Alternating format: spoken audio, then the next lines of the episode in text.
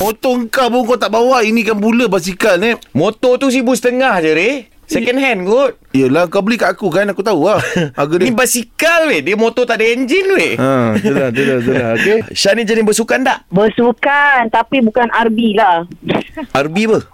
Eh? Harbi tak kau tak tahu ni Ah, uh, RB kalau bahasa-bahasa orang bawa kereta laju ni, RB tu roadblock. Patah balik, patah balik, babe. RB, RB, RB, RB.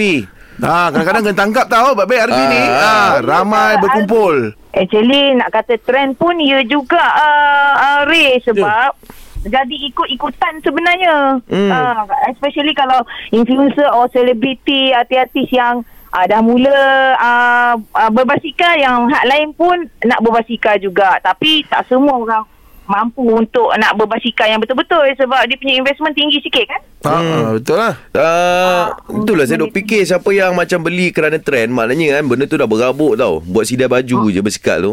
Hmm. Sangat Hanif. Kawan-kawan I semua Yang mula poyo se Mula-mula lepas tu terbenam. Itulah aku duk fikir eh, aku baik beli kat yang kawan-kawan dia yang poyo-poyo beli tu. Hmm. kan at least saya beli second hand kan? Syah kan Ya betul adik. Lagi satu pasal um, dia jadi ikut ikut-ikutan sebab okay. yelah bila uh, kita nampak influencer ataupun artis ataupun ni beli oh dia ingat uh, benda tu murah-murah. Tapi dia orang tak dia pun tak tahu yang benda tu semua uh, mahal-mahal punya apa? Uish, Oh. oh. ha, Habib Macam- RM20,000 harga dia. Mahal punya ni lepas tu ikutan. Bila dah buat separuh kena beli sampai betul-betul full set. Lepas tu aksesori tambah Dia bagi rangka je ke apa? Sebab kata kena tambah aksesori? Dia mula dengan skru ni